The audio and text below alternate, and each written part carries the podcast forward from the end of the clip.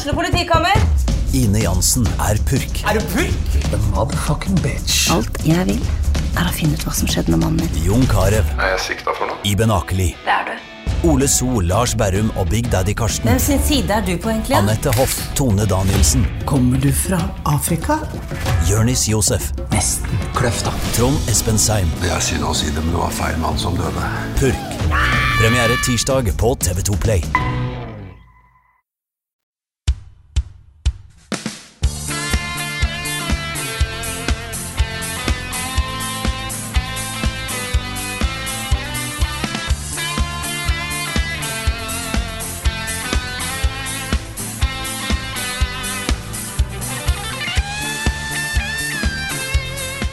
Velkommen til denne episoden som kommer ut på en ekstremt inneklemt dag.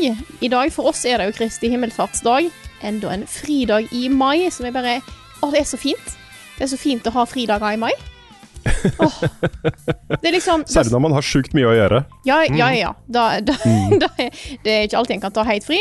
Eh, jeg husker jo livet som student, så var det jo bare Det var jo ingen forskjell på når det var fridag i mai. Det var bare at butikkene var stengt. Men, eh, men det er noe altså med at du på en måte Jeg tror det er bra de er der, for det er fortsatt en stund til sommerferie. Så det er greit å få litt fri innimellom. Ja, det er en sånn early access sommerferie.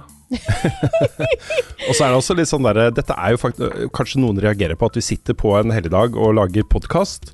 Men for meg da, så er dette, dette er jo som å ta litt fri. Fordi eh, nå har vi jo flytta ut av leiligheten vår og inn til svigers. Og det går helt fint, det også. Jeg, jeg har ikke lyst til å liksom, um, krisemaksimere det å bo hos svigers, for det går veldig fint. Uh, men det er, det er jo ikke hjemmet vårt, liksom. Men kontoret mitt er jo litt det. Så det føles litt som om ok, nå er jeg bare for meg sjæl. Kan sitte her, chille med vennene mine, snakke om spill, de tingene jeg liker, på en god maskin og bra internett. Og, så det er, dette er litt fri for meg også. Ja, det Er det det deilig? Men jeg glemte å ta introen. Dette her er jo Level Backup med meg, Frida Danmo. Med meg i dag har jeg som vanlig Karl Martin Hogsnes og Rune Fjell Olsen, som eh, vi feira forrige fredag. Gratulerer med 25-årsjubileum, Rune. Gratulerer ja, så mye. Ja, tusen takk. Og tusen takk for, uh, for sjukt fine gaver fra dere begge to. Eh, Du hadde jo et eh, nydelig dikt, eh, Frida, Takk, takk. som jeg har hørt opp igjen på, på eh, streamen, opptak av streamen. Eh, kjempebra. Du er en ordsmed. Du er skikkelig det. flink. Tusen takk. du kan skrive bra på rim. Og Ja. det er er vanskelig, altså. jeg er veldig Ja, det er kjempevanskelig. Jeg syns det er en Mm. utrolig fin uttrykksmåte. Du kan få til en del festlige greier. Pølse i vaffel rimer f.eks. på karaffel. Yes. Mhm. Mm, veldig bra. Mm. Uh, og så lagde jo også du og dere da i fellesskap en uh, utrolig bra versjon av eh, Snake Eater. Som uh, i deres versjon het Fjell Olsen. Fjell Olsen. Carl skal ha all creds for den videoen, bare så det er sagt. Ja, men eh, vet du hva, jeg snakka med Carl om det, og det er sånn Ja, han skal det, liksom. Jeg, skj- jeg skjønner det. Det er Carls idé, og det er Tusen takk, Carl. Det er, ve det er veldig Carl. men det at du kom inn og kora Fjell Olsen med de green screen-greiene og sånt i tillegg, Mm. Løfta hele greia sjukt mye også, så det ble en sånn uh, veldig morsom ting. Og det er så kult at den derre din liksom Fjell Olsen kommer inn så sent i sangen. Ja. Så den kommer så overraskende, overrumplende på, liksom. Det er veldig morsomt, altså. Men jeg må si at jeg er, det er alltid kjekt å se hvordan sånne ting blir. For jeg syns du, du er så flink til å klippe og, og lage sånne ting, Karl. Så oh. da på en måte først få se eh, teksten, eh, og på en måte jeg gleder meg til å se hvordan det kommer til å bli, og så se hva, hva du endte opp med å lage. Jeg er jo helt sjukt imponert, altså. Mm. Takk for det. det. Jeg må jo si, da, jeg må også nevne at eh, når jeg spurte deg om du kunne spille det inn, Frida, og du bare leverte liksom ikke bare one take wonder, men mange av de. Veldig mange av de! Det var veldig mange av de, og det var sånn jeg måtte bare velge mellom de beste. det var ikke sånn ja. nei, den funker ikke, den funker ikke, for alle funka. Mm. Og det er sånn en drøm når du skal klippe sammen noe. Det var sånn smooth green screen, og det var liksom perfekt levert, og du holdt eh, blikket lenge nok. Det er jeg Mhm. veldig dårlig på. Så det er sånn, hvis, jeg, hvis det hadde vært én frame ekstra i noen av de klippa som jeg har brukt, så kunne jeg ikke brukt de. Nei, da kommer det der halvsmilet ditt. Ja, halvsmil, eller så ser jeg bort, eller så sjekker jeg om Ja. lyden fortsatt redder. Altså alt mulig sånne ting. Jeg, jeg tror eh, Det som er gøy med å ha green screen inside, når det, både jeg og du har det, og vi snart får det på kontoret Jeg føler på et tidspunkt så må vi bare filme masse rare greier bak, Mm. foran green screen. Og så kan vi på en måte bare bruke det i tilfeldige settinger, tenker jeg. Ja, Vi har eget stokkbibliotek av Ja! green screen eh, reactions, liksom. Ja. Mm.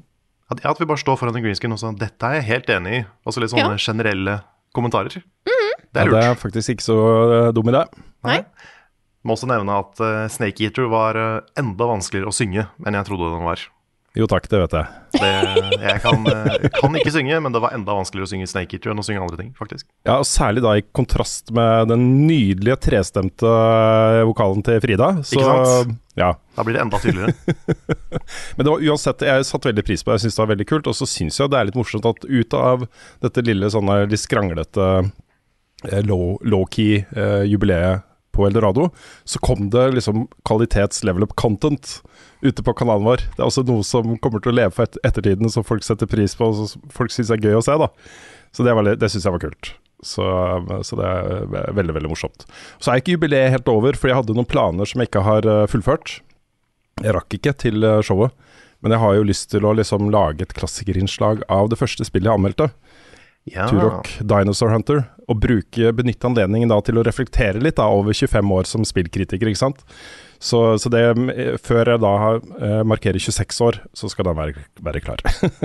Nice. Og så var det også kjempehyggelig å eh, få Snorre Bryne opp eh, på scenen. Jeg har ikke sett Snorre på mange, mange, mange år. Uh, og vi hadde jo sjukt mye med hverandre å gjøre, mens han var liksom spillansvarlig i Dagbladet, og jeg i VG, og vi var konkurrenter, men også venner, og vi reiste til Tokyo sammen, og det var gøy å mimre litt om det, da. Eh, og så var det også kjempekoselig å få en runequiz av selveste Jon Cato, med premier og alt mulig rart. En Kahoot som alle kunne være med på. Uh, så, så det også var eh, kjempegøy, altså. Og før vi gjør oss, må vi plugge noe annet som skjer denne helga her. Ja, vi skal jo tilbake på Eldorado. -hmm. uh, Eller dere, iallfall. Ikke meg. Stemmer. Dessverre. Dessverre. Det er jo sluttspill i Telialigaen uh, på Eldorado i helgen, både lørdag og uh, søndag. Vi er jo da 51% eid av Good Game, som også eier Telialigaen, så full disclosure på den. Uh, men dette er jo et event. Dette er jo Norges beste klaner. Uh, også helnorske klaner. Vi kommer litt tilbake til at vi har andre gode nordmenn som opererer på et litt høyere nivå senere i episoden her. Men uh, dette er jo uh, eliten i Norge. Det er klart vi skal dekke det, så jeg føler ikke det er så vanskelig å forsvare at vi dekker Telialigaen. Uh, men vi skal dit for å lage reportasjer, og Espen er der hele helgen. Uh, for å filme både uh, Rocket League og League of Legends-finalene på lørdag. Uh, og så kommer vi da innom på søndag og CS-finalene for å lage reportasje. Det blir også filma litt selvfølgelig fra vinnerne og de andre tingene, så det blir en sånn én stor reportasje fra hele helgen. Nice. Dette er et, et veldig veldig bra publikumsarrangement. De hadde jo finale på Eldorado med litt sånn koronarestriksjoner forrige sesong. Uh, dette blir den første finalen på lenge hvor det er liksom frislipp og kan det fylle opp salen uh, to the max. Så, så jeg tror det her kommer til å bli ordentlig gøy å se på også. Og billettene ligger da ute på Ticketmaster. Um, så hvis du er litt interessert i e-sport, så kan det her være ganske gøy å se på også. Interessert så eller nysgjerrig på e-sport. Ikke sant? Mm. Eh, jeg syns de har vært veldig Altså, jeg var jo på Telia-ligaen for et par- par-tre år siden og dekka det for, eh, for Telia, bare så det er en disklose der. Eh, men jeg, jeg var veldig imponert over casterne. Eh, for da syns jeg var veldig høyt nivå, og jeg likte veldig godt mange av de eh, Selvfølgelig, altså de har, det er mye terminologi som blir brukt i e-sport. Mange eh, teknikker eller triks som har egne navn, eh, egne titler og sånt. Eh, og jeg syns at veldig mange av casterne der var veldig gode på å forklare hva det var til nye seere. For det er helt klart at eh, hvis du drar på f.eks. Telia-ligaen for å se på La oss si Rocket League, og så blir du og ser League of Legends, så er det ikke sikkert at du kan terminologien der. Men da syns jeg de i hvert fall gjorde veldig godt eh, den gangen jeg var der. Så da var eh, Mm. er generelt veldig imponert over, over opplegget til Telia-ligaen. Ja, det er gode kaster og en god produksjon, og de sitter jo på scenen mot hverandre, og du får liksom um, handlingene i, i spillet opp på storskjermen og sånt. Det er, det er ganske proft, altså. Det Det er er, gøy å se på. Så, um, så dette kan bli kjempebra. Hva har du spilt I det siste? I dag starter vi denne spalten med at Rune skal få lov til å fortelle om en eh, jeg vil nesten si en gammel kjenning. Det har vel kanskje blitt over tid, i hvert fall. Ja, det er sånn over sju og et halvt år. Over sju og et halvt år har det blitt, faktisk. Gammel flamme. Ja. En gammel flamme som har blusset litt opp igjen. Det er Ja. en eh, ny sesong av eh, Destiny da, som er uh, ute nå. Den kom på tirsdag. Og jeg hadde gleda meg så sjukt mye til forrige sesong, som jeg endte opp med å spille liksom maks kanskje 20-30 timer totalt. da. uh, pga. Elden Ring. Så jeg bytta liksom hobbyspill i den perioden.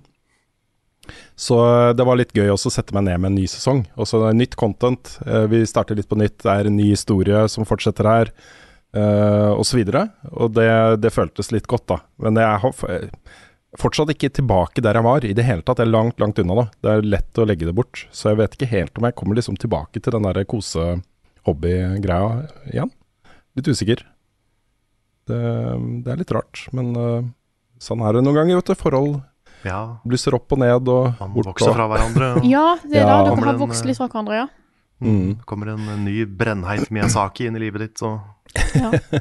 ja. men det er, masse, det er masse, Jeg har spilt liksom det introduksjonsmissionet, og det er litt morsomt fordi de har nå reintrodusert Leviathan, som jo er den, eh, det enorme, enorme skipet til, eh, til uh, Callis.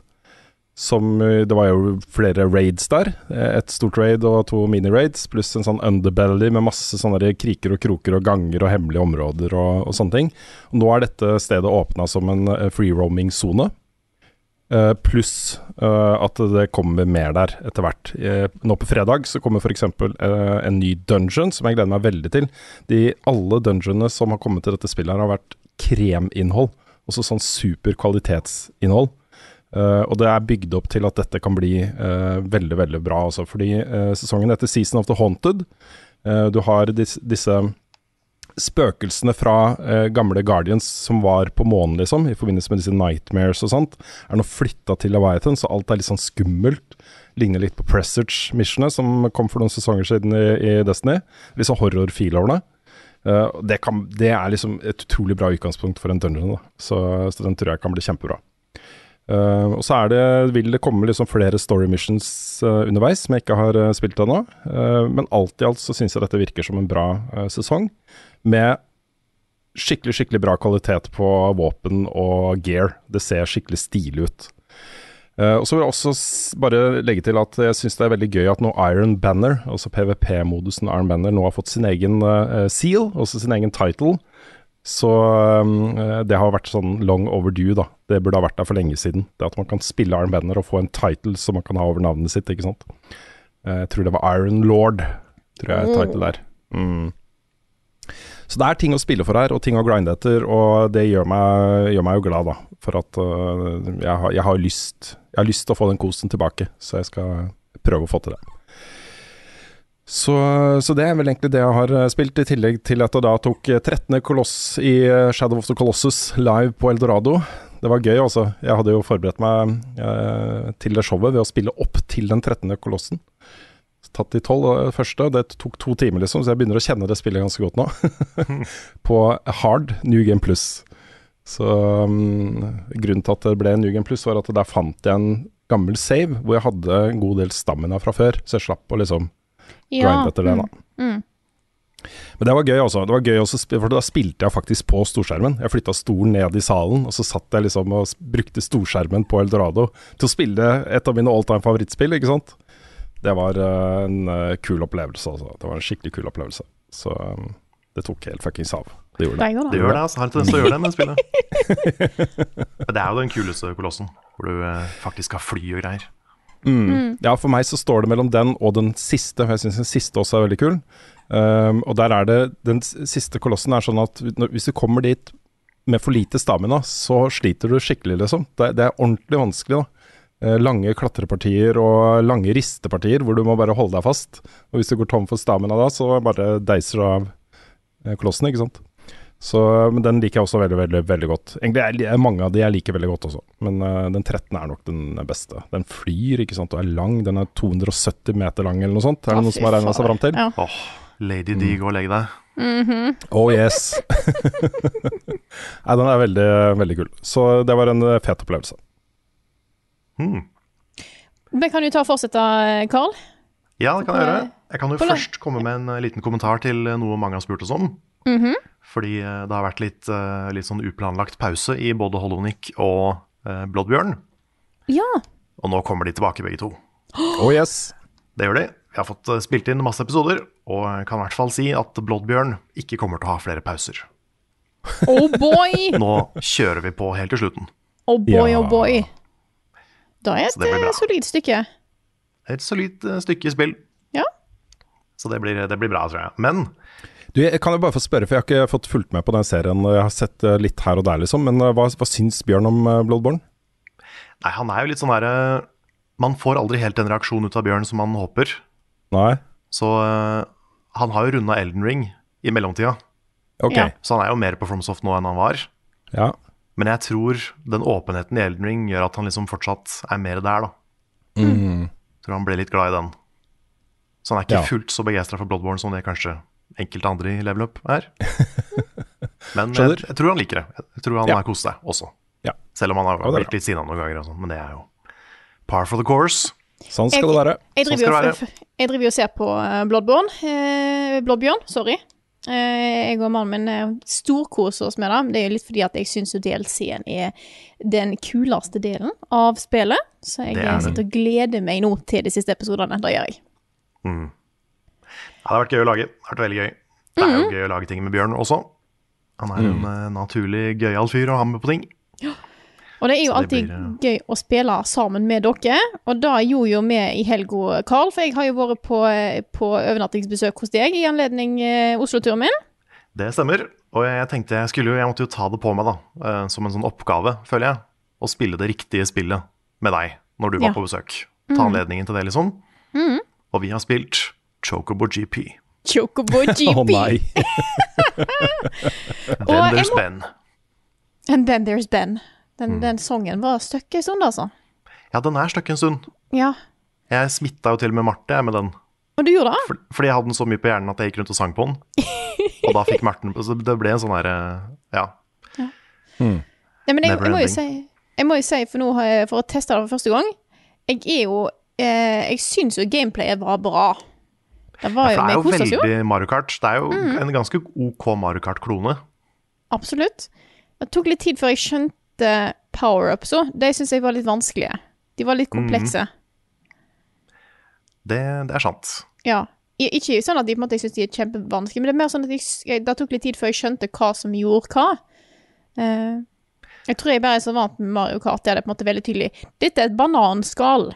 Mm. Men her er det Eh. sånn Dragon. Ja, og oh. eh, fire-type ting. Og så er det at hver, hver karakter har en sånn power up, boost, super move-ting. Som heller ikke alltid var så lett å skjønne hva jeg gjorde. Nei, det er sant. Mm. Som regel tror jeg de hjelper deg å kjøre og sånn. Ja, det var da jeg innså at det var noe der. Men vi testa jo òg, eller jeg testa, story-moden. Ja, vet du hva? Den, jeg har vært stuck på den, jeg. Fordi den er så vanskelig. Men du er så god i racingspill at du bare tok jo den Du tok jo den missionsa ganske fort. Ja, jeg, eh, jeg var litt heldig innimellom på noen av de, det, det må jeg innrømme. Men, eh, men jeg, jeg, tror, jeg tror den type litt sånn cartoony racingspill er, er for meg. Det tror jeg absolutt. Mm. Men den storyen der, den Den suger. Ja. ja, det er noe av det verste jeg har sett. Ja. Det er Altså, Jeg merker at jeg blir litt sint av å tenke på at noen har fått betalt for å skrive den historien. Ja. For det er en er- person som virkelig ikke kan skrive historier. Nei. Og det var litt eh, jeg, jeg kunne jo bare trykke videre, men så tenkte jeg at, jeg, at du skulle på en måte se hvor dette spillet gikk hen, siden du sikkert var veldig investert i historien. Eh, og det ble en sånn cannot look away from a dumpster fire-type ting. At jeg følte Ja, jeg måtte bare sånn. se hvor det, ble, hvor, eh, hvor det gikk hen. Og så når de får en vits som er så nesten morsom, Ja. så kommer han derre Atla, han Mugglen, Mm. og ødelegger vitsen. Ja. Og poengterer Han skal forklare punchlinen. Hver gang. Og det er bare Det er så irriterende. Og så er det Det var jo helt klart en, eh, en vits som jeg syns allerede var dårlig, som Mm. jeg fikk inntrykk av at hadde vært der ganske lenge fra din del. Mange ganger. Veldig Ja, mange ganger. hver gang det er en karakter som kommer inn, så skal alle karakterene Alle! For alle er med! Alle sånn tolv er med i alle cutscenes. Hele tida. Og skal komme med input. Og det er ingen, måte, det er ingen samtale som da går mellom to. Det er liksom å gå mellom én og tolv. Ja. Og alle skal si noe, alle skal svare. ja. Og så spesielt da når det er en som kommer inn som tydeligvis har vært der mange ganger, og alle bare sånn Who are you? Who are you? Ja. Alle sier 'who are you'. Ikke sånn en variant. Alle sier det samme. Og du må trykke gjennom at alle tolv skal si dette her til den karakteren hver gang han dukker opp. Hver gang. Det er også en sånn ting som kunne vært morsomt. Det med at liksom du har jo Chocobo, Camilla og Camillas pa. Og Camillas pa heter jo bare Camillas pa. Han har jo ikke noe annet, det er bare pappaen til Camilla, liksom. Men det i seg sjøl er sånn litt gøy. Men så skal de snakke om det. Ja. Lenge. Om hvor rart det er at eh, Camillas pa ikke har noe navn. Og da dreper de jo sin egen vits. Ja. Og det skjer hele tida. Og så er det sånn sikkert 40 jokes om at det var en, den replikken var egentlig din, og det var egentlig du som skulle si det, og det er egentlig en referanse til det, men det, du sa det feil, og sånne ting. Og det er bare ikke morsomt! Men Vi ler, da. Vi lo litt, jeg nå. Ja, Ja, du gjør det. Ja. Ja. ja. Men jeg, Kanskje det funker, jeg, egentlig. At jeg bare Ja, er overkritisk. men jeg syns jo at det var gøy å spille. Eh, og så Og må du var jeg si god i spillet. at Jo, takk. Det, men jeg, jeg syns det var gøy, og vi hadde jo et par eh, gode, gode matches der det var usikkert. Det, med, det, med, Det var liksom eh, Hva er, hva er ut, uttrykket? Det var close, da. Mm. Mye. Eh, og eh, Men jeg må si at eh, den, den økonomiske modellen der er jo helt bak mål. Den er ganske ekstrem. Ja. Den er eh, rett og slett ikke helt bra. Nei, det var, men det var så mye pop-ups. Det var liksom Ja, da fikk du den, og nå fikk du den, og nå fikk du den, og så Fikk du den. Mythrill? Har du lyst til å kjøpe mer Mythrill? Fikk Ja. du penger? Har du lyst til å kjøpe mer penger? Mer penger for penger. Mm. Men jeg hadde det veldig gøy med Chocobo GP, jeg òg, da. Det var, det var mer gøy å se deg spille det enn å spille det sjøl. Fordi du har så sånn talent for sånne spill at da kunne jeg på en måte bare sitte og liksom nyte at noen visste hva de drev med. Det var jo, jeg var jo litt sånn spent, for jeg spiller jo Mario Kart med motion controls. Så da på en måte Ja. går dette her greit med stikker, og da, det tok litt tilvenning, men det gikk fint. Men bare det, ikke sant? du spiller Mario Kart med motion controls, og du er god. Ja, Men det, det er bare det jeg er vant med.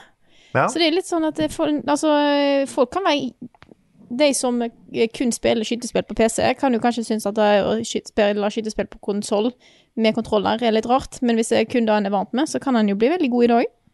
Det er sant. Åh, men eh, vi, vi jo, altså eh, Vi så jo noe annet på lørdag. Jeg vet ikke om vi skal ta det opp nå. Nei, er det en anbefaling, eller er det ikke en anbefaling? Det er det jeg ikke vet. Vi skal vi bare ta det nå? Ja, vi kan ta det nå. Nå er vi i gang. Vi så nemlig nye Rescue Rangers Snipp og Snapp-filmen på lørdag. Å ja. Det gjorde vi. Den som er ekstremt meta, kanskje den mest meta-filmen jeg har sett noen gang. Ja! ja. eh, Stemmer det at, at, eh, at Sanic er med der? Ikke, ikke, ikke Sanic eh, direkte, eh, Men men en som ligner? ligner? det, En ikke, stygg ikke, Sonic? ikke bare ligner, for det er faktisk Ugly Sonic. det er Ugly Sonic. Sonic, fra, fra okay, Sonic. Jeg trodde det var det samme, jeg skjønner det. Nei, Ja, nei, nei. Sanic er, er jo noe annet. Nå driver mikrofonen min og bare detter ned her. Jeg skal bare Beklager for lyden. Du vender deg med Sånn. mikrofonen sånn. Yes, jeg måtte Den, den, den seig litt. Nei, det er jo faktisk Ugly Sonic fra, fra animasjonsfilmen. Ja, nettopp. Den første. den Liksom. første Den traileren. Ja, ja. nettopp. Og da han dukka opp, så visste jeg liksom ikke helt hva jeg skulle gjøre. Og så er han så mye med. Han er mye med. Ja. altså, i en Disney-film. Ja. Og det, for det var en ting jeg ikke var forberedt på, for jeg tenkte jo liksom ok, dette er en film der hvor Disney-figurer er skuespillere, og det er det som er premisset. Men det er ikke bare Disney-figurer. Det er jo massevis av Warner Bros. og Sonic, liksom, og alt Ja. mulig annet. Randy Så- Marshall fra, fra, fra South Park bare plutselig South sitter Park. Ja. Rick and Morty-referanser var det flere Ja. av. I liksom en, en Disney-film. ja. Ja. Og dette var jo ikke en barnefilm, fordi jeg tror storyen her kommer til å gå rett over huet på alle barn. ja. Sånn literally alle barn. Ja. Så det var en veldig rar film. Det var en veldig eh, Altså, jeg, jeg er på det punktet Jeg tror jeg har sagt dette om andre ting før òg. Jeg vet ikke om han var bra, men han var gøy. Ja, han var veldig underholdende. Men det var nesten for mye referanser, altså. Ja, det var litt sånn referanseporno, Ja. så kanskje litt i overkant. Det er mulig også det er litt fordi man har sett så mange Marvel-filmer, som også blir mer og mer referanseporno. ja. Så kanskje, det å liksom, kanskje folk begynner å bli litt forsynt på det. Men det var, det var jo eh, eh, Jeg var liksom også redd for måte, Kan jeg snakke om at Sonic var med der? Men det, på en måte, jeg ser, ser at hele internett har snakket om det, så da føler jeg at det er greit. Eh, Ja. Og nå har han jo vært ute i uke òg. uh, Ja, ja. Så derfor jeg var litt usikker på Det tok litt tid før jeg kom i gang med det. Men jeg var egentlig eh, jeg, var, jeg satt der og bare var overraska for hver nye karakter som kom inn. Eh, og som gjorde at det på en måte var veldig sånn underholdende der og da, men i etterkant tenker jeg sånn Det var egentlig litt rart. Det var litt rart. Ja. Det er jo en litt sånn Roger Rabbit-aktig film, og Roger Rabbit er jo også med, Ja. så vidt. Alt er med. Men, Alt eh, er med. Men ja, så det er jo en film som handler om film, på en måte. Ja. Og reboots og tegnefilmserier og nostalgi og alle de tinga her. Men, eh, men ja, jeg, jeg klarer liksom ikke helt å finne ut om jeg syns storyen var bra eller ikke. Jeg syns han hadde mye kult ved seg. Det gjør jeg. Mm. Uh, men det var ikke alt jeg helt uh, syns ga sånn kjempemening nødvendigvis. Men jeg syns han har veldig mange gode poeng. Altså, da jeg så uh, plakaten, eller på en måte bildet fra denne filmen, og så at uh, Snipp var i van, altså på en måte 2D tegna stil, og Snapp var i 3D CGI-stil, så tenkte jeg sånn OK, er dette bare noe de har for å vise at de har gått fra 2D til 3D? Men det er jo sånn, også på en måte den joken med at Snap har tatt CGI-operasjon for å følge med i tida. Ja, Den syns jeg, den syns jeg er så fin. den er fin. Det er en utrolig god idé, selv om det kanskje det var litt rart å se da, eh, Ja. den miksen. Så syns jeg at konseptet er kjempegøy. Mm. Ja, det er en veldig kul idé.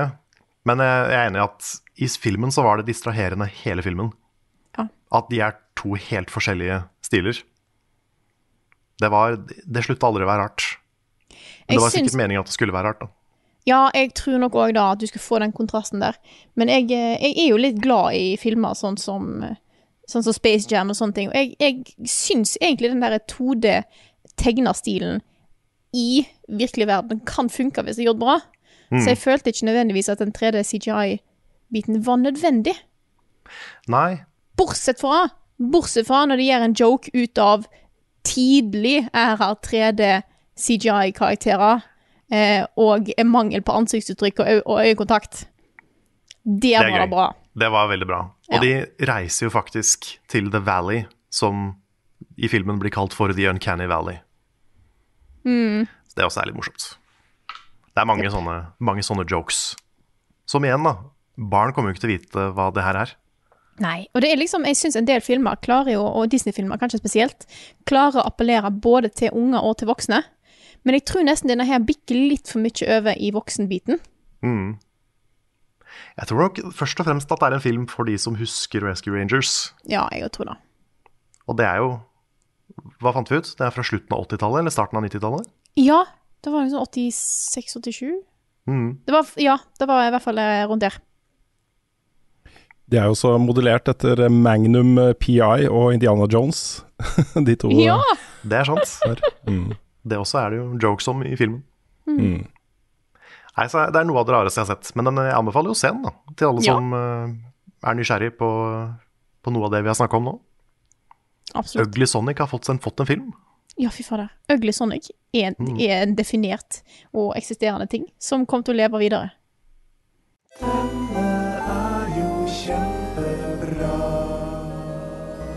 Ukens anbefaling. Jeg kom med en ny YouTube-kanalanbefaling denne uka her. Oh yeah. Eh, men vi skal tilbake igjen til spil, eh, spillverden, bare så det er sagt. Eh, jeg tror ikke jeg har anbefalt den før, men i så fall eh, Here you go again. Ny oppfordring. Dette er YouTube-kanalen Summoning Salt. Og Summoning Salt har masse måtte, sånn korte, eller ikke korte nødvendigvis, eh, decent lange dokumentarserier om speedrunning i spill. Og tar for seg utviklingen og historien til speedruns til forskjellige spill. Det er kjempekult. Mm, og det er veldig veldig mye kule. Det er sant, Super Mario Bros, eh, Mario Kart Wii. Der er det en skikkelig kul en på, på liksom shortcuts som de fant, og, og det er laget på en veldig sånn spennende og stilig og fengende måte. Ja, ikke sant. Og så fant han den glitchen der som Ja, gjorde sant. at ikke var liksom sant? Den har holdt så lenge. Men så Og så er det på en måte Det, det, det er laget så gøy og gripende, og det er eh, Jeg så nylig den, den eh, Vi driver og ser den som kom nyest nå. Det er historien om New Super Mario Bros. Wii. Eh, Mhm. Det var det mye kult som skjedde. Men òg Den forrige syns jeg var veldig, veldig bra, og det handla om Super Punch Out. Eh, og utviklingen der. Og de tar, han tar for seg på en måte eh, hva, hva plasser som er vanskelig, hva som har vært utfordrende, og plutselig bare sånn Og nå fant de en ny, ny måte. Men OK, her, eh, i den seksjonen her, så har det vært problem. For det var sånn og sånn, og så Jeg klarer ikke å få dette fram, men det er dritkule videoer! ja, det er jo så, det er så mye mekanisk som ligger bak disse speedrunna. Sånn som i Punch-Out f.eks. må Ja. du sitte og nærmest telle frames for Ja. å vite akkurat når man skal trykke, ikke sant, og hvilken rekkefølge og sånt. Det er ordentlig spennende, altså. Det er det, og det er han, han, eh, måten han får det fram på, gjør at du virkelig føler at du er der mens det skjer en utvikling. eh, og du kult. sitter der og på en måte heier på at å, kanskje de nå klarte å få det til. Eh, Med måten som han forteller det liksom for utvikling for utvikling. Så ta og sjekk ut Summoning Salt. Summoning Salt. Absolutt, absolutt anbefales. Rundt sånn 50 absolutt minutter videoer, så det er på en måte bra lengde. Men det Ja. er veldig, veldig spennende. Veldig bra. Kult. Mm. Tror jeg har sett noen av de. De har vært veldig bra. Han har ikke kjempemange videoer, men eh, de som er der, er, er gull verdt, altså. Men det er Jeg har en beste- anbefaling. Nei, sorry. Ja, det- bare fortsett du, Karl. Nei, det er, det er jo det beste speedrunsa, når eh, de som sitter der og kommenterer, er i stand til å fortelle hvorfor dette er imponerende. Mm. Så det er litt lettere å følge med og skjønne hva, hva de holder på med. Prøve på. Mm, absolutt. Ja, men jeg har en anbefaling, jeg også. Ja. Mm. Og det er, det er å ikke flytte. Ikke flytte. Ikke flytte. Nei da, jeg, jeg, jeg tuller litt nå også, fordi det kommer til å bli så bra. Jeg angrer ikke et sekund, liksom. Men åh, på mandag morgen så kommer jo håndverkerne for å begynne å rive. Eh, og natt til mandag, klokka tre på natta, sto kona og jeg der fortsatt og pakka ting i esker. Og vi hadde gått tom for bokser og esker, vi hadde ingenting igjen. Men det var jo masse som fortsatt skulle ned, og vi visste ikke hvordan vi skulle gjøre det, ikke sant. For det var bare masse småting. Ikke sant? Vi hadde ingen poser, ingen esker, alt er stengt, det er midt på natta, hva gjør vi, liksom? Så da tok vi bare og lempa alt inn på kjøkkenet. Og så møtte vi opp litt sånn derre øh, øh, flaue, da. Da håndverkeren kom og sa vi beklager, vi rakk ikke å ta alt, så vi bare la inn alt der. Så måtte vi ta det på mandag. Så ca. klokka halv ett på også da natt til tirsdag, så var vi helt ferdige, da. Ehm, men, eh, men det, jeg er så sliten. Jeg så en time på gulvet i den gamle leiligheten min natt til mandag. Wow. Det var da derfor det ikke ble spilluka denne uka her, fordi jeg var bare helt kake. Jeg var helt kake, det var ille altså. Men eh, jeg tror vi har valgt bra håndverkere, så hvis noen trenger tips til, eh, til det, så kan du spørre meg. Fordi nå er det Jeg var innom der i eh, går kveld. De har revet alt. Alle gulvene, alle veggene som skal ned, alle uh, tapeter og sånt er revet av. Kjøkkenet er borte. Og de har gjort alt, liksom. På tre dager så har de gjort alt. Da er effektivt. Ja, det er sjukt effektivt, og de er veldig hyggelige og ålreite og flinke og pålitelige, og alt dette er så langt bank i bordet. Bank i bordet. De skal holde på en stund til.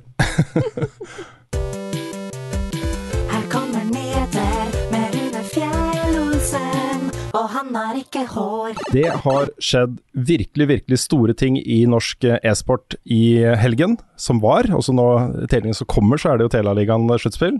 Men forrige helg fikk vi ikke bare én, men to norske e-sportutøvere helt opp i verdenstoppen. Og de har jo vært der lenge, men nå vant de hver sin kjempeturnering. Du hadde Håvard uh, Rein Nygaard, som ble den første norske PGL Major-vinneren noen gang, med FaceClan.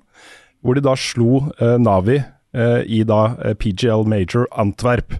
Og det er, altså, det er vanskelig å beskrive hvor stort det er, men det er liksom Champions League-nivå innen CSGO, liksom. Det er den største, største turneringa. Det er jo eh, helt Jeg ser jo at eh, media eh, i hvert fall i Norge, snakker om det som, som VM i CS, og det er jo på en måte, da. Men det Ja, er jeg syns Champions League er Ja. litt nærmere Jeg er enig. Det er jo den, den største turneringa som er der, og da at Face og Rain nå vant den her. Og Rain ble jo òg MVP. Ja, det er helt vilt. Helt var, vilt. Jeg fikk eh, Jeg var jo eh, Finalen var jo på søndag, så jeg eh, rakk ikke å se hele, for det var jo mens jeg kom hjem fra Trondheim, nei, fra Oslo.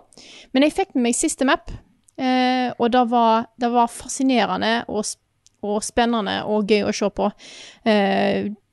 Det var eh, intenst, som det alltid er i sånne finaler, eh, og, og Rain vet hva han driver med, for å si Ja. det sånn. Tydeligvis. Mm. Det er også litt gøy å For han har jo vært nå i Face i mange år, eh, og vært etablert i toppen i mange år.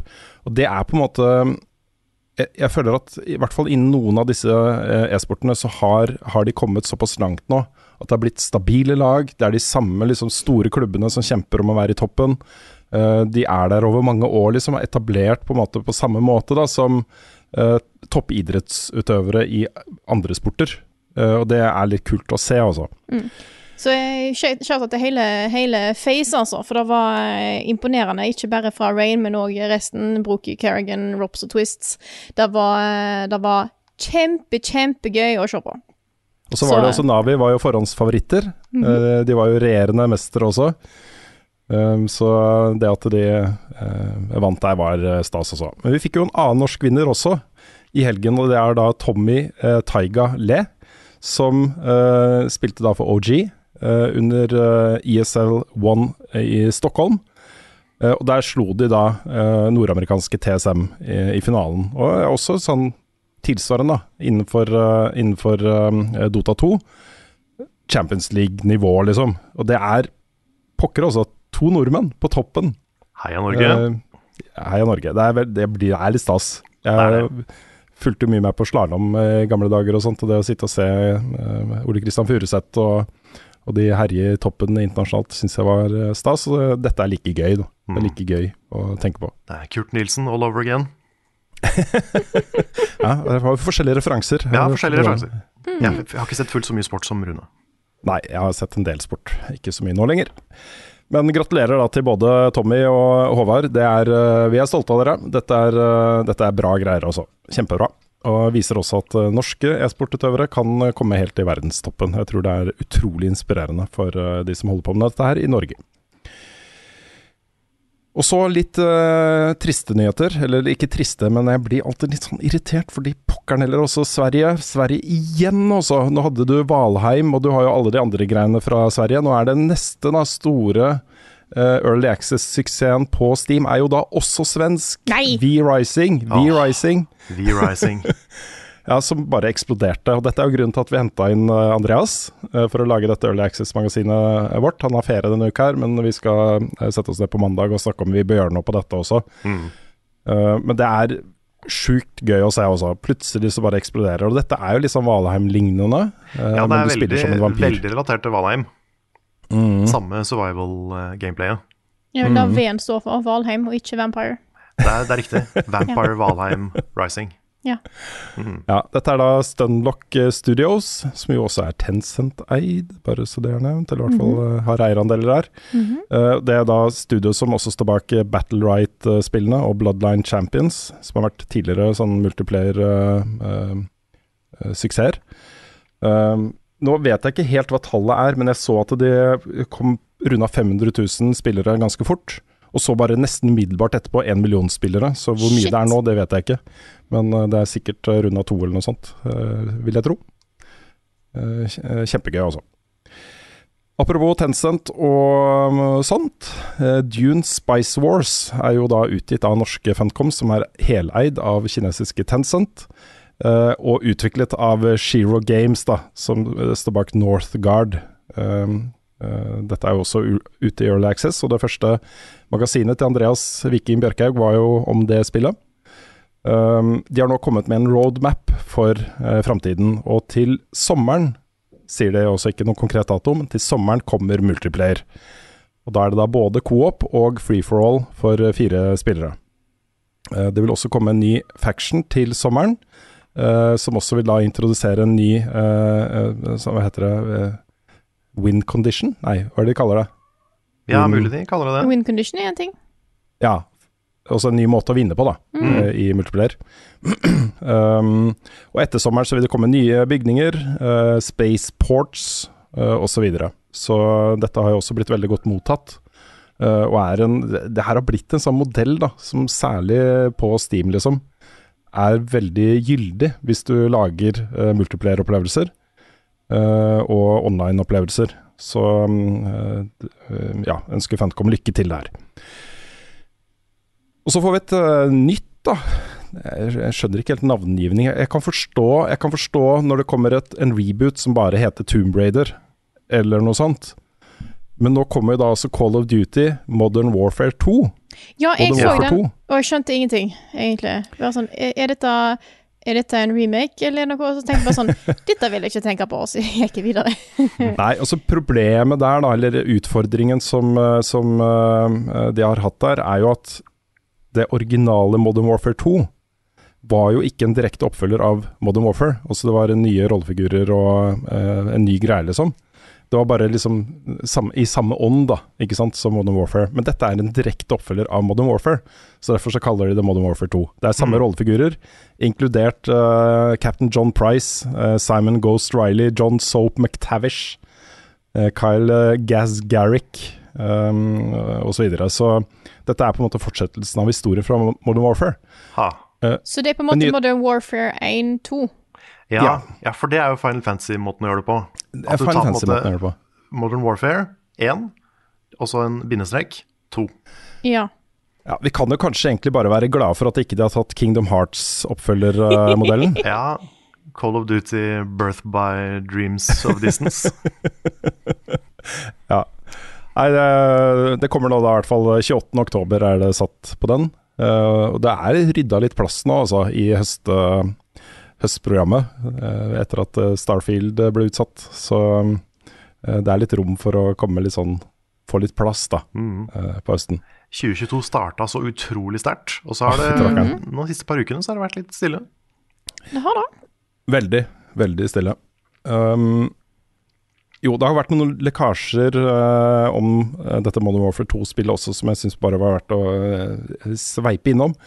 Eh, det går jo da rykter også om at det vil komme en helt ny mode til Modern Warfare 2, som kalles DMZ.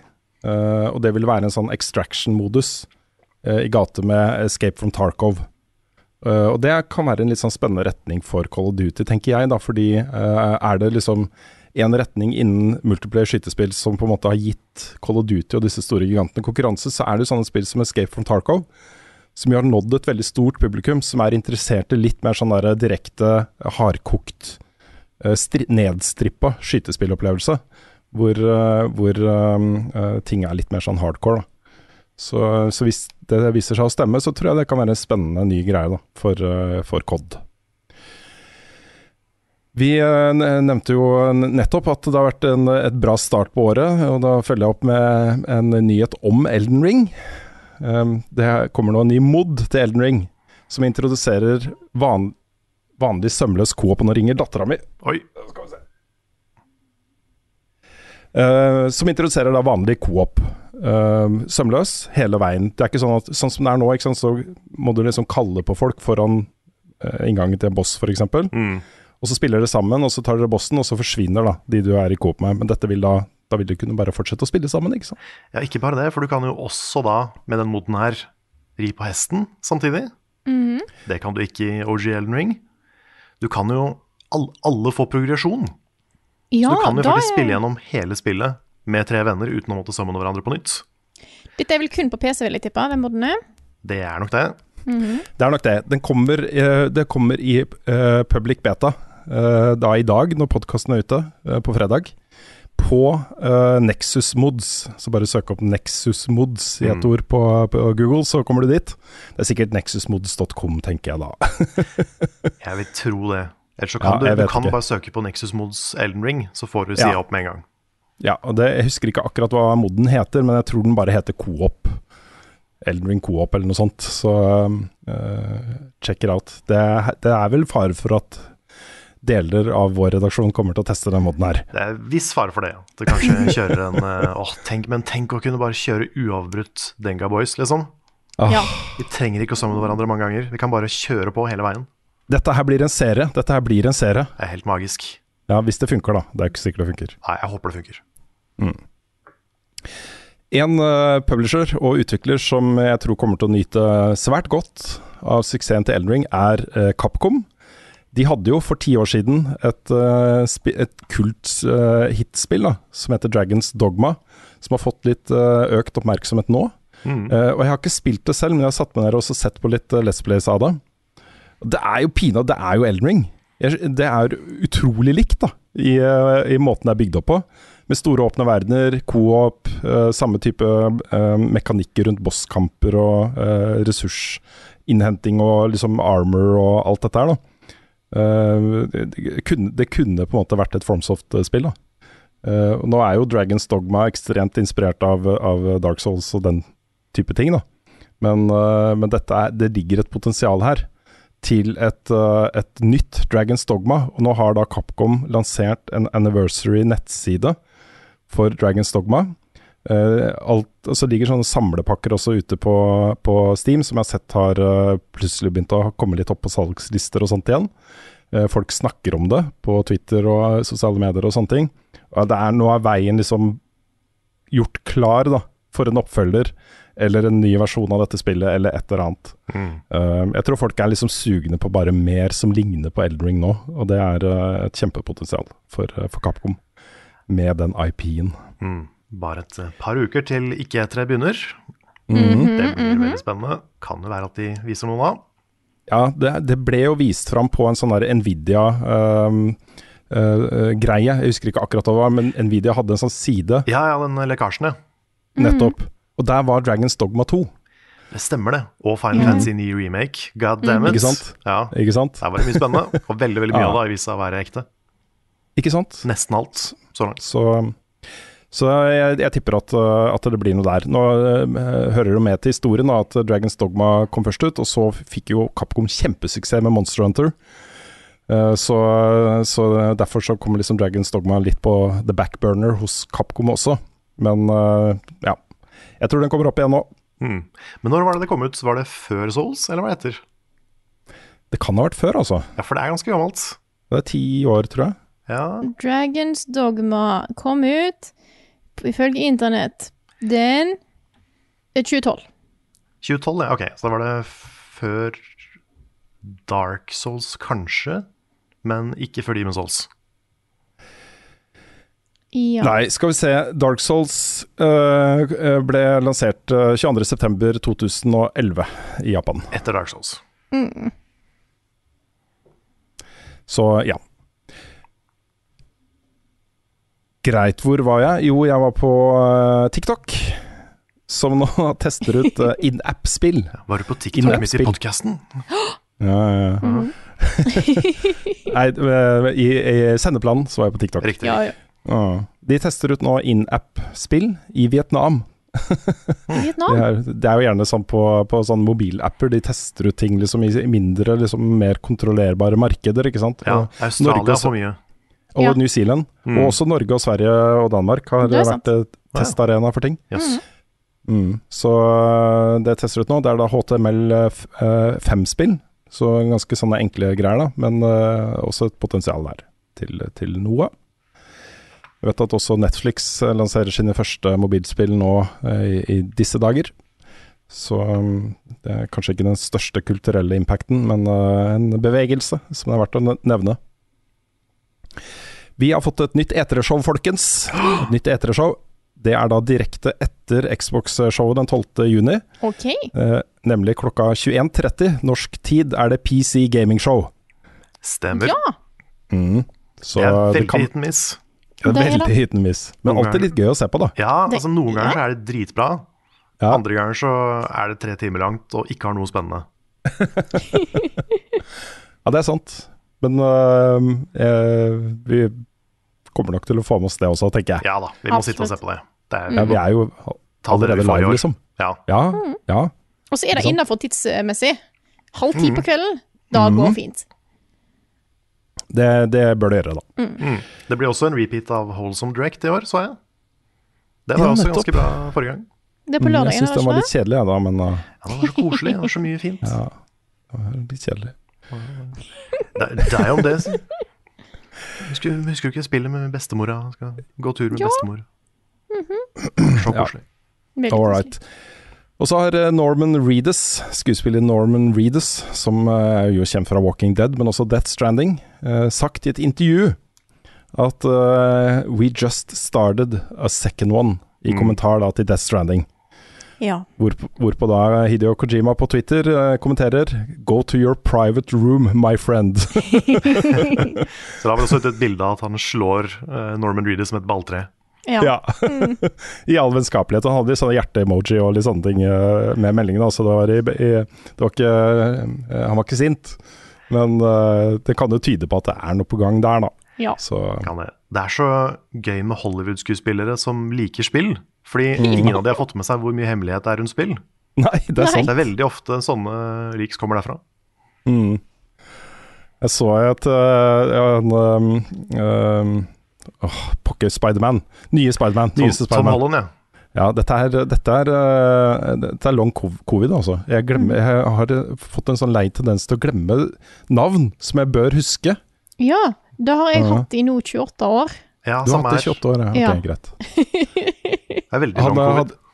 ja, han hadde jo en, et intervju hvor han er jo kjent da, for å eh, lekke eh, info som ikke skal bli lekka ennå, liksom. Er det ikke han de gir liksom f- eh, bare utdrag av manus og sånt for å unngå at han skal like andre ting? Ja, men han hadde et intervju hvor han eh, kommenterer den nyeste Spiderman-filmen. Eh, pokker, kan vi si det, da? I tilfelle folk ikke har sett den, liksom, ikke har klart, klart å holde seg unna alt av spoilere. Eh, eh, Ok, men han, han, ja. han sa i hvert fall det kan, Jeg kan snakke litt rundt om det. Han sa i et intervju før filmen var ute, at uh, han, han kommenterte liksom en scene som han egentlig skulle være med i.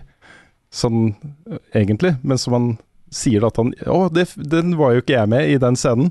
Og så ser du at han innser at han har eh, sagt noe dumt. Du ser liksom bare et sånt tomt blikk.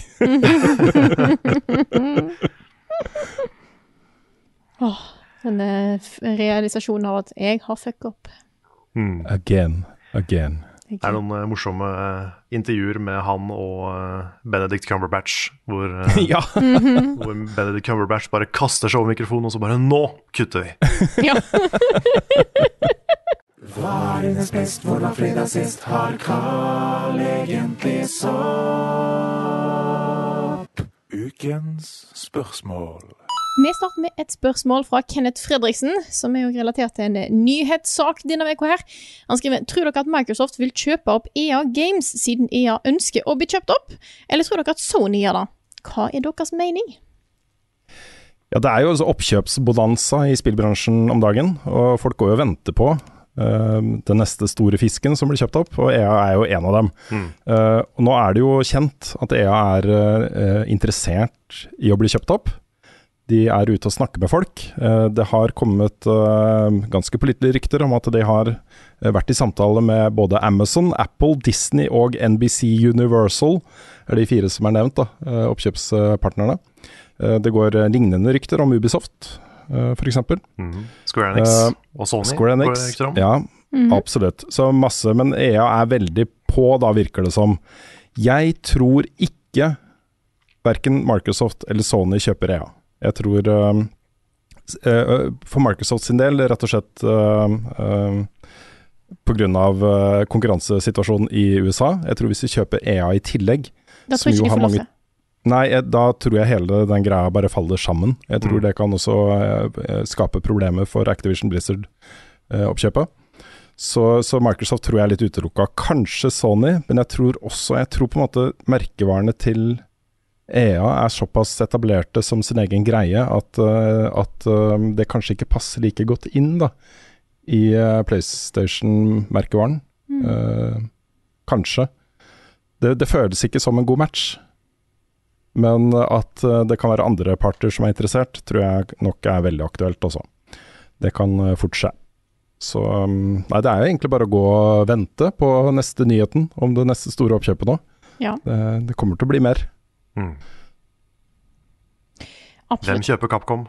Hvem kjøper Capcom? Ja? Mm. Mm, Kjøper noen Konami? Får de til å lage spill igjen? ja. Ja, det skal jo nevnes da at Konami akkurat eh, hadde årsresultat for fjoråret. Det er det beste året de har hatt noen gang. Det er så deprimerende. Mm. For de har jo ikke laga spill. Nei. Det er på en måte De har tjent masse masse penger på å gjøre alt det ingen vil at de skal gjøre. Nettopp. Jeg lurer på om vi skal ta et nytt spørsmål her. Det kan vi gjøre. Det er fra Carl Drogo, som har sendt, ut, eh, sendt inn en masse spørsmål, men her er i hvert fall ett av de. Det er mange studier som har spill i utvikla limbo, men Ubisoft har et regelrett berg av de.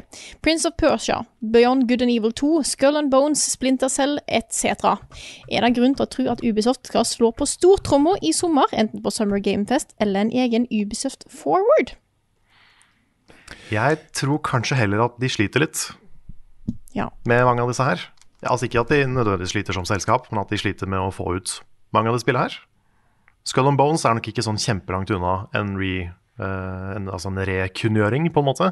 Det er ganske lenge siden vi så det, men det, det har jo vært, i, vært litt i utviklerhelvete en god stund. Ja, de har akkurat vært ute og bekrefta at det er eh, fortsatt eh, on track, eller i hvert fall at det kommer, Mm. innen utgangen av finansåret 2022. Og det er jo da eh, 31. mars Sant. 2023 som, eh, som det er eh, Så da får vi nok Snakk om da. eh, se litt mer av det snart. Mm. Ja, så har de jo også Det de har confirmed av ting som er på vei, er jo også Avatar. Avatar-spillet. Frontiers of Pandora. Eh, et nytt Division-spill. En oppfølger til Immortals, Phoenix Rising. Um, også mer Assassin's Creed. Um, jeg blar litt på en side som jeg fant her. Mhm. Eh, men det er sant, de har hatt en del sånne titler som av en eller annen grunn liksom ikke har funnet fotfeste helt. Det har på en måte blitt litt sånn stuck. Jeg tror de har hatt litt problemer med uh, hva skal vi si, introduksjonen av litt nye økonomiske modeller. uh, men også uh, plutselig litt sånn dårlig mottagelse av f.eks. Ghost Recon, uh, Nise Ghost Recon Mm. som folk var veldig misfornøyd med eh, i lang periode, før det ble liksom fiksa. Også Division har vært litt sånn opp og ned. Um, så jeg, jeg, jeg tror de har hatt litt problemer med å på en måte eh, få liksom konseptene deres til å sitte 100% da, før utgivelse. Og det er litt sånn Jeg vet ikke helt hva det vil gjøre med selskapet, men eh, det, kan jo faktisk da ha sammenheng med intern uh, urolighet. For det har jo vært alle disse uh, historiene om uh, fæle sjefer Mm. i det selskapet. Um, det har blitt snakka om det som kalles en mass exodus, altså en masseutvandring av topptalent fra Ubisoft. Mm. Altså mange av de beste folka som har slutta i selskapet. Så de er nok ikke helt på det stedet de bør være, eller det stedet de har vært på um, akkurat nå. Det er noen, eh, det er noen faresignaler der. Mm. Og det, det Prince of Persia-spillet ble jo uh, mest sannsynlig tatt tilbake til tegnebrettet fordi, eh, fordi det ikke var noe pent. og Folk likte ikke hvordan det så ut. Så Mm. Det også er jo ganske lenge siden vi fikk se, så jeg tipper det har en helt ny visuell stil når vi ser det neste gang. Mm. Beyond Good and Evil 2 kommer kanskje aldri ut. Nei, det tror jeg ikke kommer ut. Nei. Det tror jeg er borte. Far for det. Men vi vet jo alle hva som skal til for at Ubisoft skal komme seg på beina igjen. Dere vet det, dere òg, Ubisoft.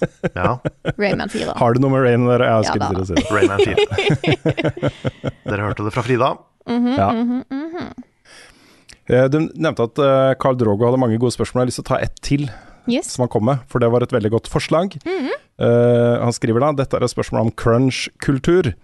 Eh, det mange er enige om her, er at forbrukerne skal bruke lommeboka til å gjøre en forskjell. Eh, og crunch er jo den derre overarbeidinga, det presset, for å jobbe overtid og i helger osv. for å få spill ferdig til lansering. Spesielt litt av Eh. presset her, og en måte nesten slaveridrift av ansatte, er jo Mm. problemet her. Ja, og dette har vært en del av spillkulturen, altså spillarbeidskulturen, i mange år. En sånn etablert del som har gjennomsyra så å si alt av spillutvikling. Ja, og det er, problemet er jo større nå enn det noen gang har vært. fordi eh, For eh, liksom ti år siden så, så var det kanskje et mindre team da, som lagde sånn uh, trippel A blockbuster-spill over en litt kortere periode. Nå tar det lengre tid, det er flere folk involvert, og plutselig så sitter man da kanskje i månedsvis i crunch. Med liksom eh, ekteskap som havarerer, og overarbeiding og depresjon og eh, fysiske og mentale ikke sant? Alle de tingene som følger med da, eh, det å være overarbeida. Eh, Så, så det er et reelt problem, et kjempeproblem. Mm. Og så tenker man ofte at ja, når spill blir utsatt, så er det for å unngå crunch. Men det er det ikke. Det blir bare flere måneder med crunch. Ofte så gjør det jo det. Mm. Eh, men spørsmålet tilbake til, til Carl Drogos spørsmål, da. Så hadde det vært en idé å ha en merkeordning som viser at de ansatte hos utvikleren har hatt rimelige lønns- og arbeidsvilkår. Et slags svanemerke som viser at our developers are grass-fed and free range. Jeg syns det er et godt forslag. Eh, og det er jo en klar trend nå i spillbransjen på å tilby sunne arbeidsforhold. Du ser uh, tidligere Blizzard-sjefer som har slutta for å lage sine egne selskaper, har jo det som, som uh, kjerneverdi.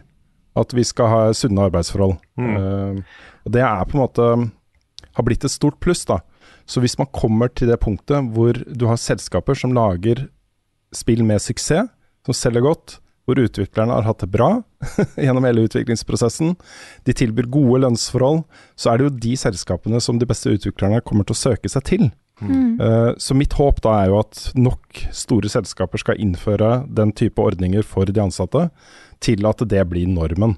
Um, og at det blir på en måte Hvis du er et av de selskapene som driver rovdrift på de ansatte på den måten, så blir du på en måte uglesett, ikke bare av potensielt nye ansatte, men av spillere, av bransjen som helhet, eh, av samfunnet. Jeg Nå tenker så jeg at for, Forrige uke så ble jo den første offisielle amerikanske spillfagforeninga etablert. Mm, hos Raven. Hos Raven, ja. Det var veldig kult å se.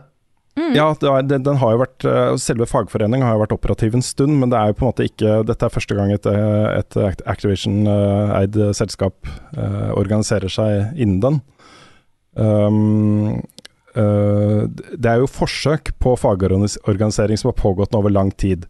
Og det at nå uh, et stort flertall av Q-avdelinga til Raven stemte for å melde seg inn i den fagforeninga, er et veldig positivt tegn. Eh, For nå skal da fagforeningen sette seg ned og forhandle lønns- og arbeidsvilkår, uh, istedenfor at de- hver enkelt ansatt må gjøre det. Det er en kjempebra ting også.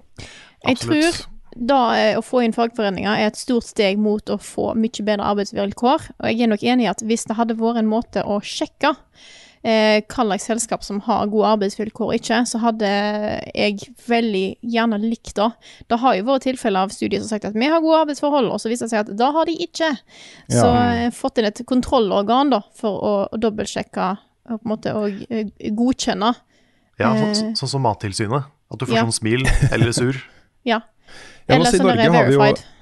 Mm. Ja, men i Norge har du jo en, eh, en eh, årlig undersøkelse som veldig mange selskaper bruker, som heter Great Place to Work, som jeg har vært med på mange ganger i VG-sammenheng.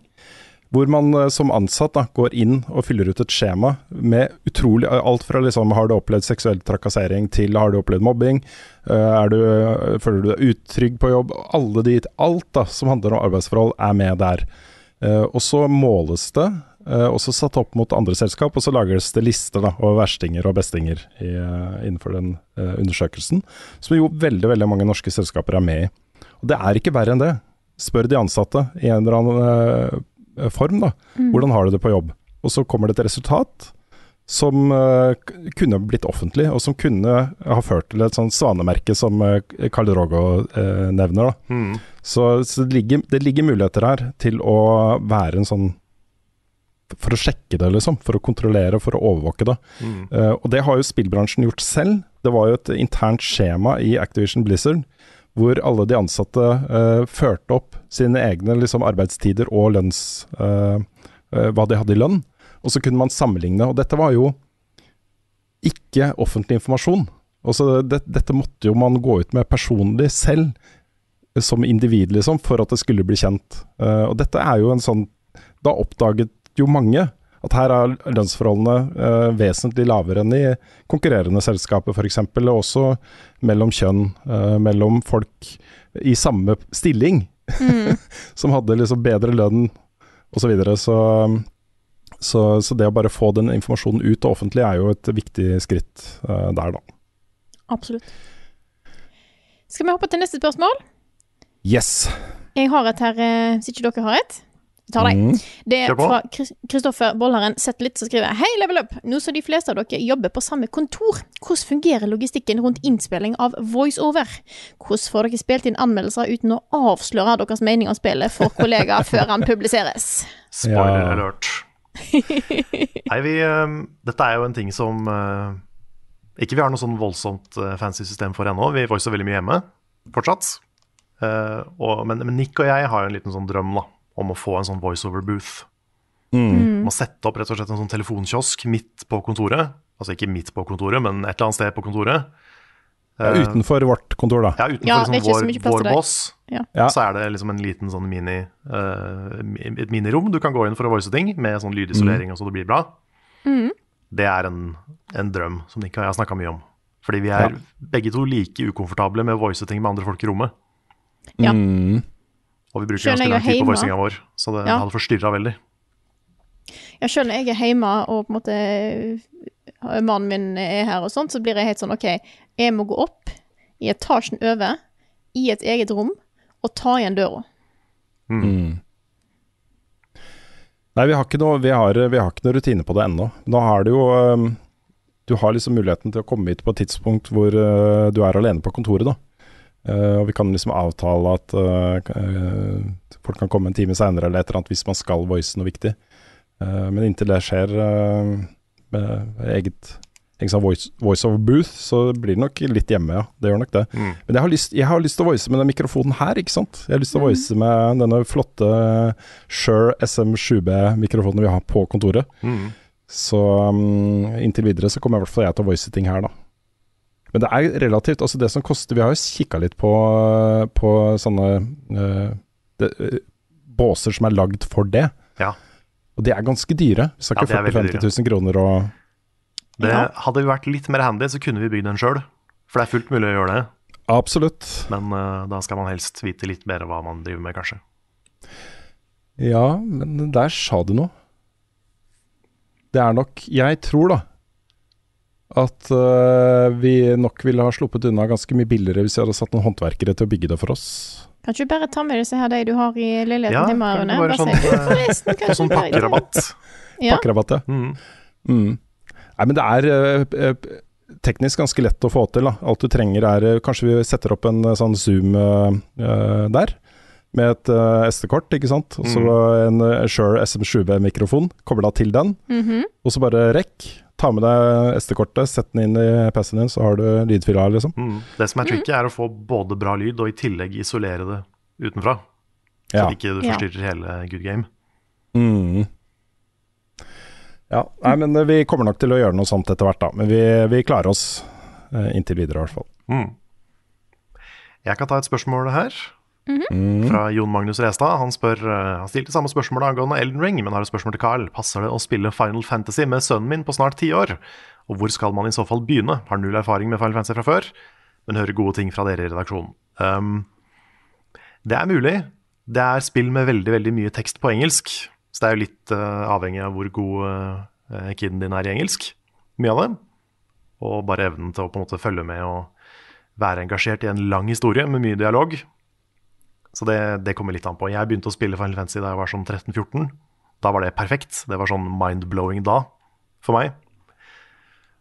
Så øh, kanskje optimalt er sånn i starten av tenåra. Men jeg tror det er fullt mulig å begynne tidligere. Hvis, øh, hvis man enten er god i engelsk, eller øh, hvis pappa oversetter litt. Rann. Jeg tror det er ganske stor jobb seg ja, Jeg tror unger får med seg mye mer engelsk nå enn da vi vokste opp. Ja, det tror jeg òg. De har blitt sykt gode i engelsk. Vet dere hva? Mm. Nå har vi begynt å se animasjonsfilmer på originalspråk hjemme hos oss. Oi, oi, oi, oi! The only way. Ja, Med tekst, da? eller?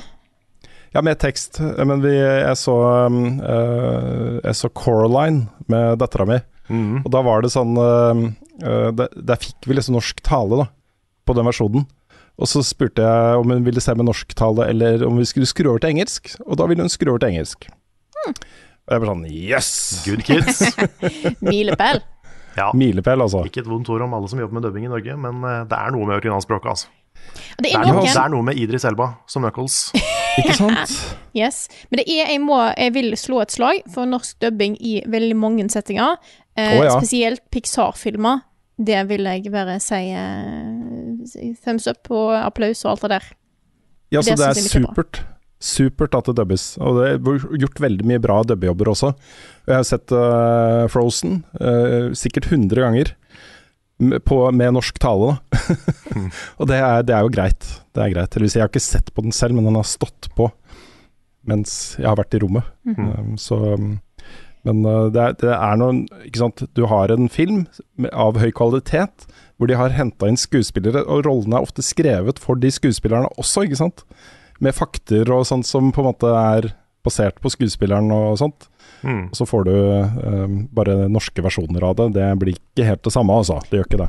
Nei. jeg, vil gi en shout-out til uh, dessverre late uh, eh, stemmeskuespiller Åsleik Engmark.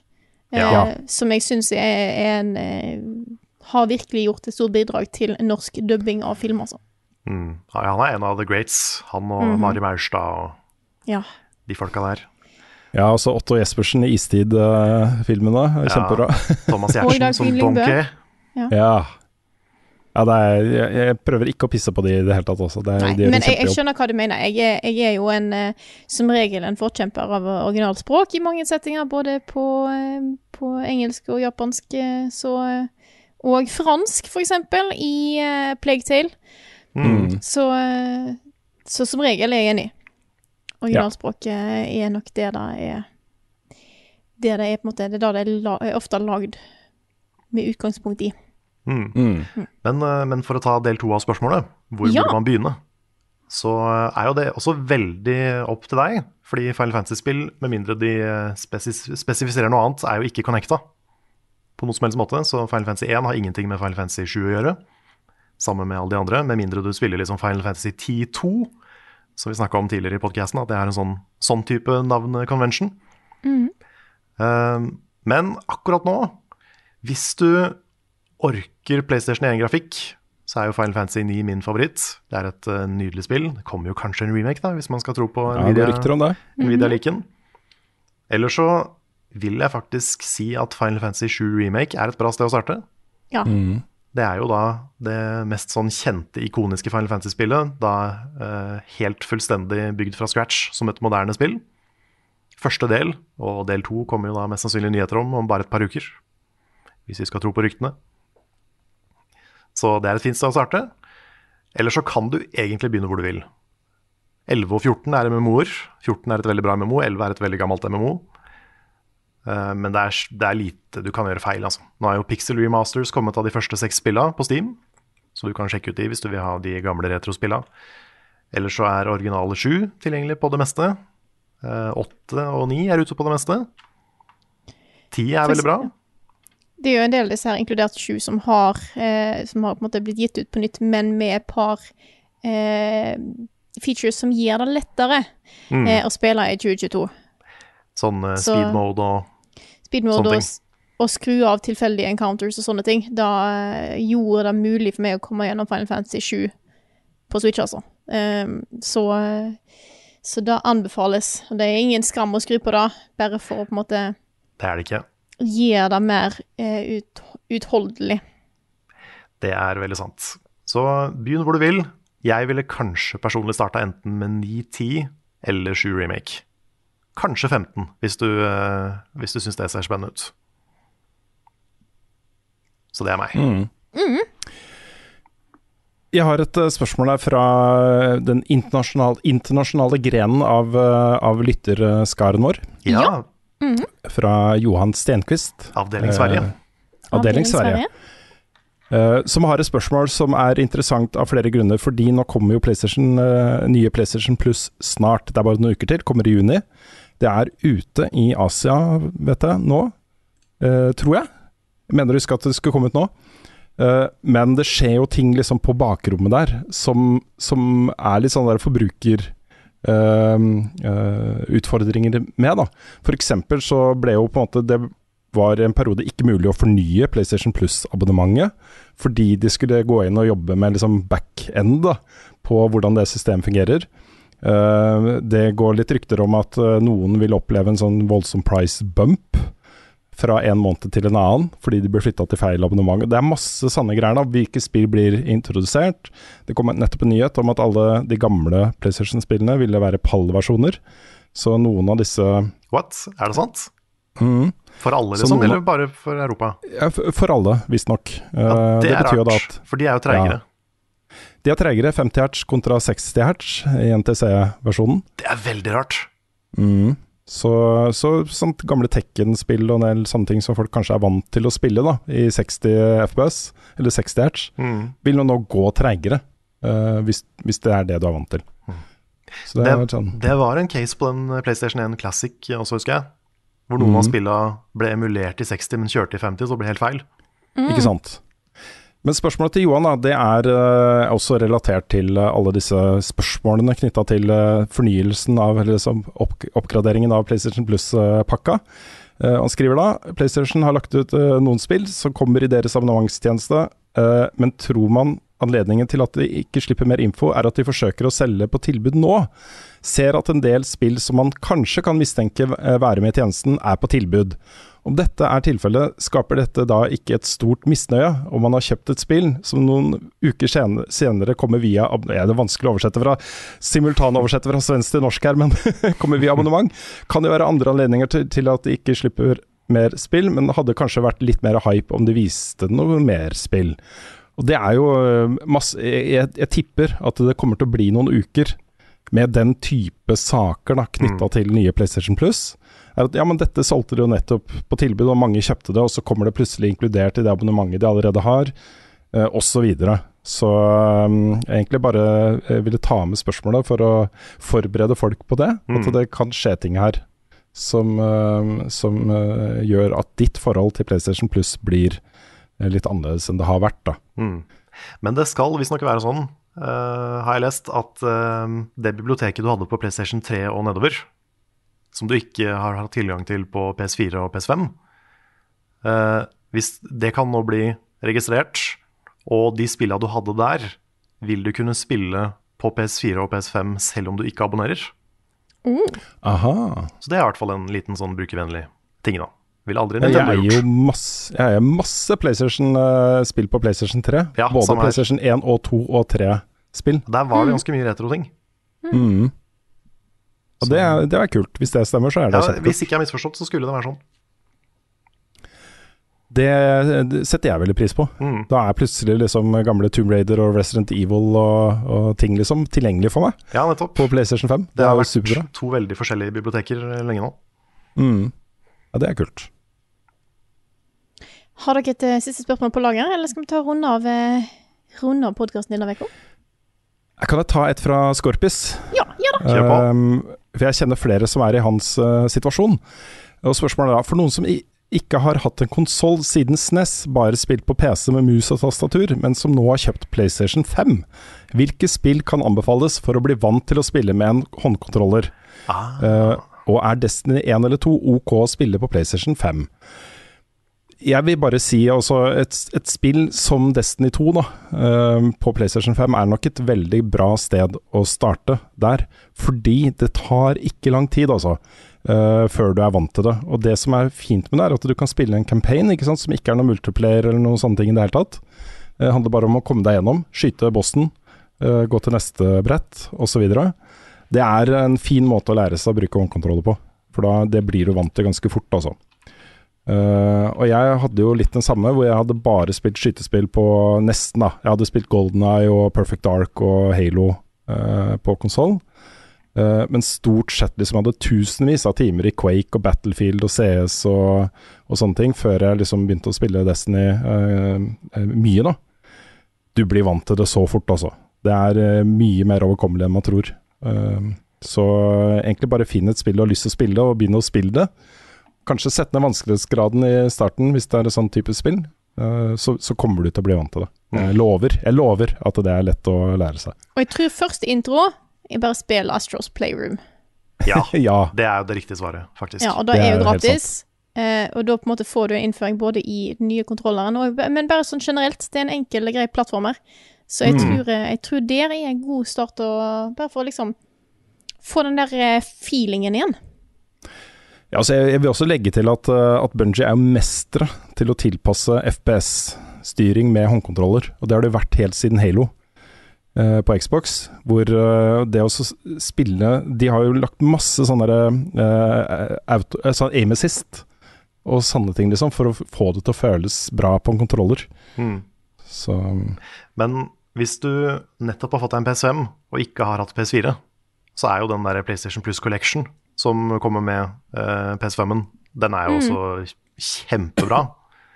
Der har du liksom Bloodborne er jo kanskje noe du ikke burde begynne med, men det går jo an, det òg.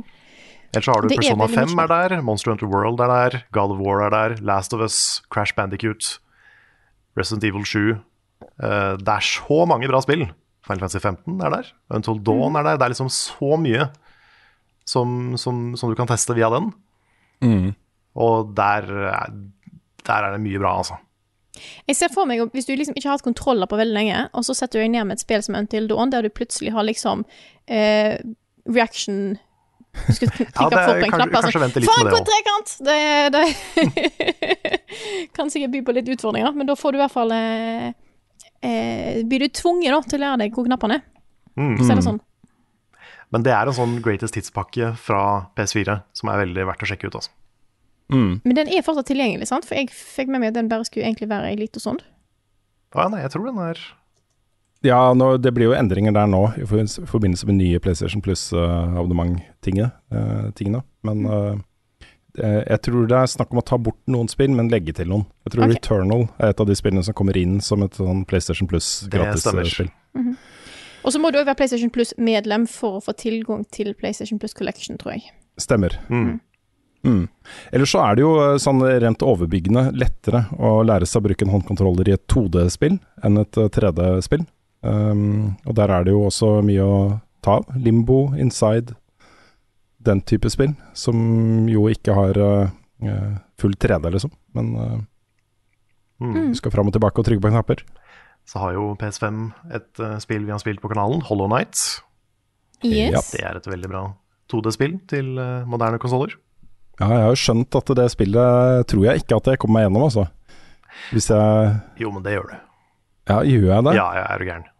Altså, Nick, Nick spiller med et veldig dårlig våpen akkurat nå.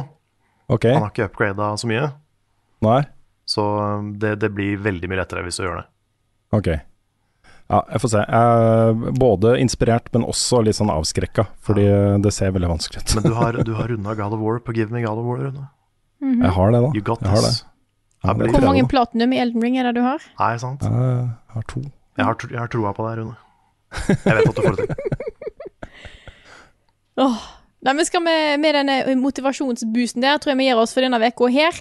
Dette her er podkasten Level Backup, utgitt av Moderne Media. Låten i introen og outroen er skrevet av Ole Sønnik Larsen og arrangert og framført av Kyoshu Orkestra. Vignettene er lagd av fantastiske Martin Herfjord, som jeg fikk, eh, endelig fikk møtt på eh, jubileet til Rune, så det var veldig, veldig Ja, hyggelig. veldig hyggelig. Mm. Mm. Det er en av de koseligste tingene synes jeg, med de liveshowene vi har, er å treffe dere som hører på. Det må jeg virkelig si, altså. Det var stas. Mhm. Hvor de var hen? Eh, jo, eh, innholdet vårt da finner du på youtube.com slash levelupnord. Der kommer det snart mer Holonic og Blodbjørn til din, eh, til din eh, enhet som du ser i YouTube på. Så vet du da. Direkte til din enhet. Yes.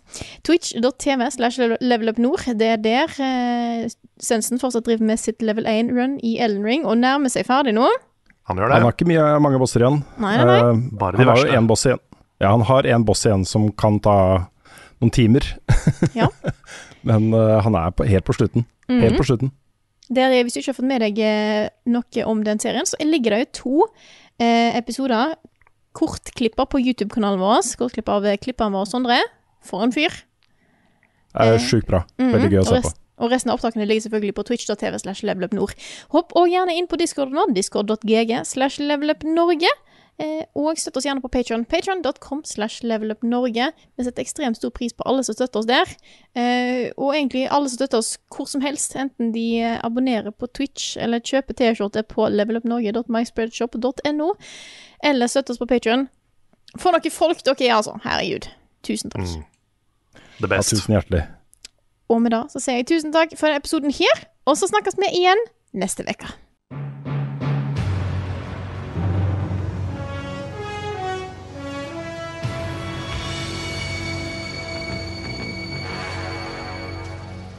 VG-spill. Jeg husker det som det var i går. VG-spill. En feiring av gaming uten hår. Som en dag banet vei for vårt spillmagasin. Du tok meg inn, inn til VG, inn til deg. Helt fersk, vettskremt og uerfaren. Likevel trodde du på meg. Og drømmer ble til Fjell-Olsen. Mange år med grenseløs spillhype. Og så et eller annet med en tree frog eller noe.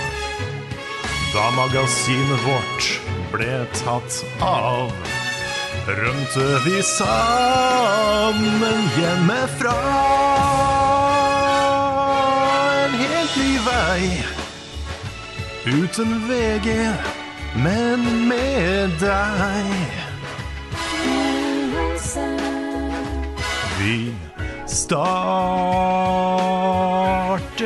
en helt ny familie. Alt sammen begynte med deg. Det har vært en drøm, Fjell-Olsen.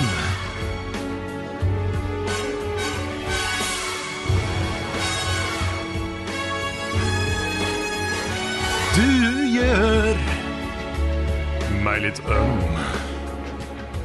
Fjell-Olsen.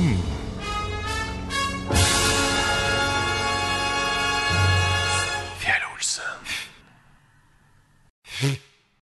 Har du et enkeltpersonforetak eller en liten bedrift? Da er du sikkert lei av å høre meg snakke om hvor enkelt det er med kvitteringer og bilag i fiken, så vi eh, gir oss her, vi. Fordi vi liker enkelt.